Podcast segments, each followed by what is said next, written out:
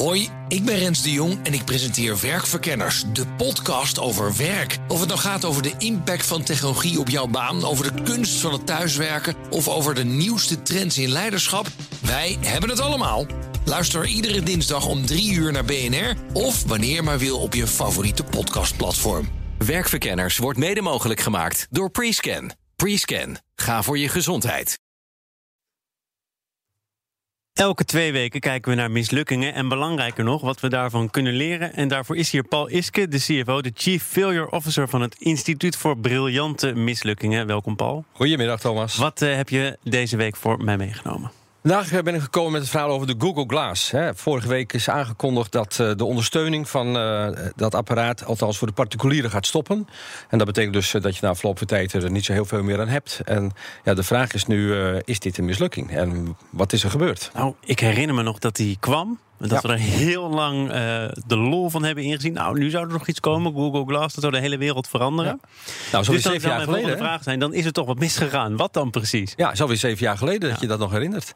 Uh, nou, maar het is, het is, toch zo dat we daar heel veel van hadden verwacht? Ja, ja, nou ja, het is op zich natuurlijk best een, een mooi apparaat. Uh, het werkt, hè, dus technologisch gezien werkt het. Het is ook best een hoogstandje. Op, ja, de smaken verschillen, maar je kunt zelfs nog claimen dat het ook nog wel apart en, en, best wel goed uitziet. Maar goed, wat, wat was het idee hier? Hè? Kijk, het is zo'n product uit de Google X-familie. En Google X, dat is dan die, die, die tak van Google waar ze hele experimentele dingen doen.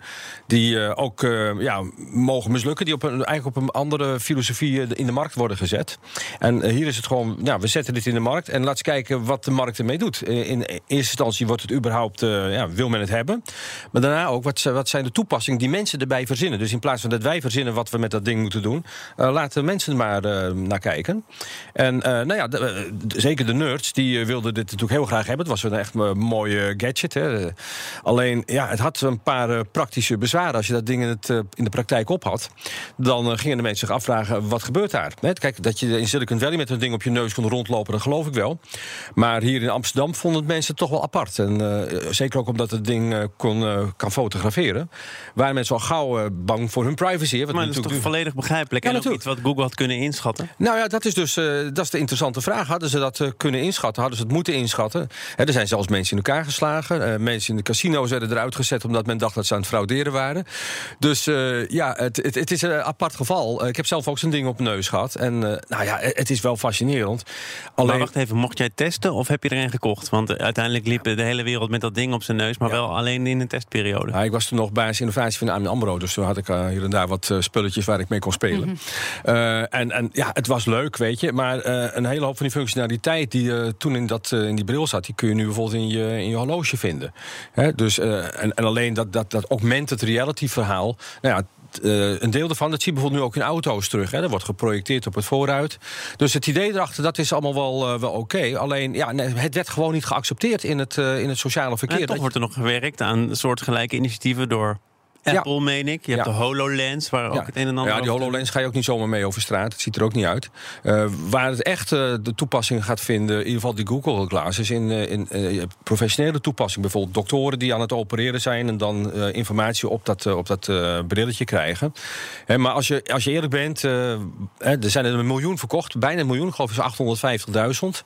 Mensen hebben aangegeven dat ze er eigenlijk maximaal 200 dollar voor over hebben. Maar goed, er zijn mensen in het begin... die gewoon 1500 dollar voor betaald hebben.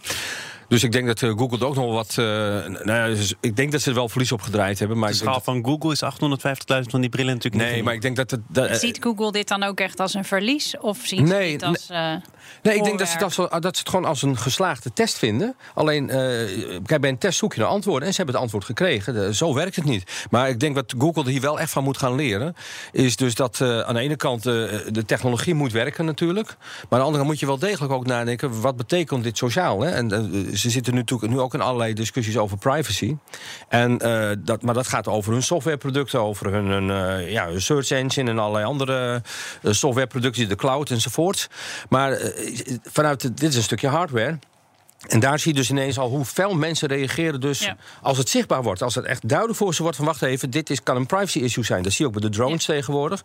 En die dingen worden bijna onmogelijk gemaakt, allemaal vanuit de privacy. Dus Google krijgt hier wel een les in. eh, kijk niet alleen naar de technologische mogelijkheden, maar kijk ook Ja. wat er sociaal betekent. Dus het we is- moeten naar de afronding. Namelijk, is Ja. dit een briljante mislukking? Ja, hoe briljant of is, het is niet eens een, is het niet eens een mislukking? Dat zou je ook nog kunnen, kunnen Ja, zeggen. nou, daarvoor hebben we natuurlijk die beroemde viral-formule. hè. We kijken Ja. naar vijf aspecten. De visie. Nou, eh, Google had hier duidelijk een visie. We gaan op deze manier dit product in de markt zetten... en dan zien we wel wat er gebeurt. En ik denk dat ze best wel antwoord hebben gekregen op de vragen die ze hadden. Dus dat heeft voor mij echt wel een acht. De inzet, de inspiratie. Ja, het, was echt wel, eh, het is wel iets waar we allemaal over gesproken hebben. Het is iets wat, eh, wat de aandacht trok... waar ze ook best wel goed aan gewerkt hebben. Het mooi ontwikkeld. Geef ik ook een acht. Eh, risico. ehm, ja, ik denk dat, dat ze best wel snapten dat dit een disruptieve innovatie was. En dat het dus ook zou mis kunnen gaan. Dus ja, maar ik denk wel dat ze te weinig risico hebben geregeld, rekening hebben gehouden met het risico dat mensen het sociaal onacceptabel zouden vinden. Dus nou, een een zeventje. De aanpak. eh, nou, het is een mooie ontwikkeling. Maar ze hadden iets meer vooronderzoek mogen doen van eh, wat is, eh, wat, is er ook nog een leven buiten de Silicon Valley, zou ik zeggen. Dus daar heb ik een eh, zesje voor gegeven. En de lessen eh, hebben ze er iets van kunnen leren. Ik denk een hele hoop. Ik denk dat ze geleerd hebben waar kun je dit ding voor gebruiken. Dan gaan, we gaan straks functionaliteit in andere eh, systemen en, en gadgets terugvinden. Ze hebben geleerd dat privacy toch echt wel een issue is. Dat dat je hele innovatie uiteindelijk om zeep kunt helpen. Dus ik denk dat ze ervan kunnen leren. Of ze nou willen leren, dat weet je bij Google nooit. Misschien dat ze toch weer doorgaan met, eh, met de eh, dingen rond privacy. Dikke voldoende, Paul. Uiteindelijk kom ik op een 7,5. Dus het, ik vind het echt een briljante mislukking. Dus niet een gewone mislukking, een briljante mislukking. Paul Iske, de Chief Failure Officer van het Instituut voor Briljante Mislukkingen. Dankjewel.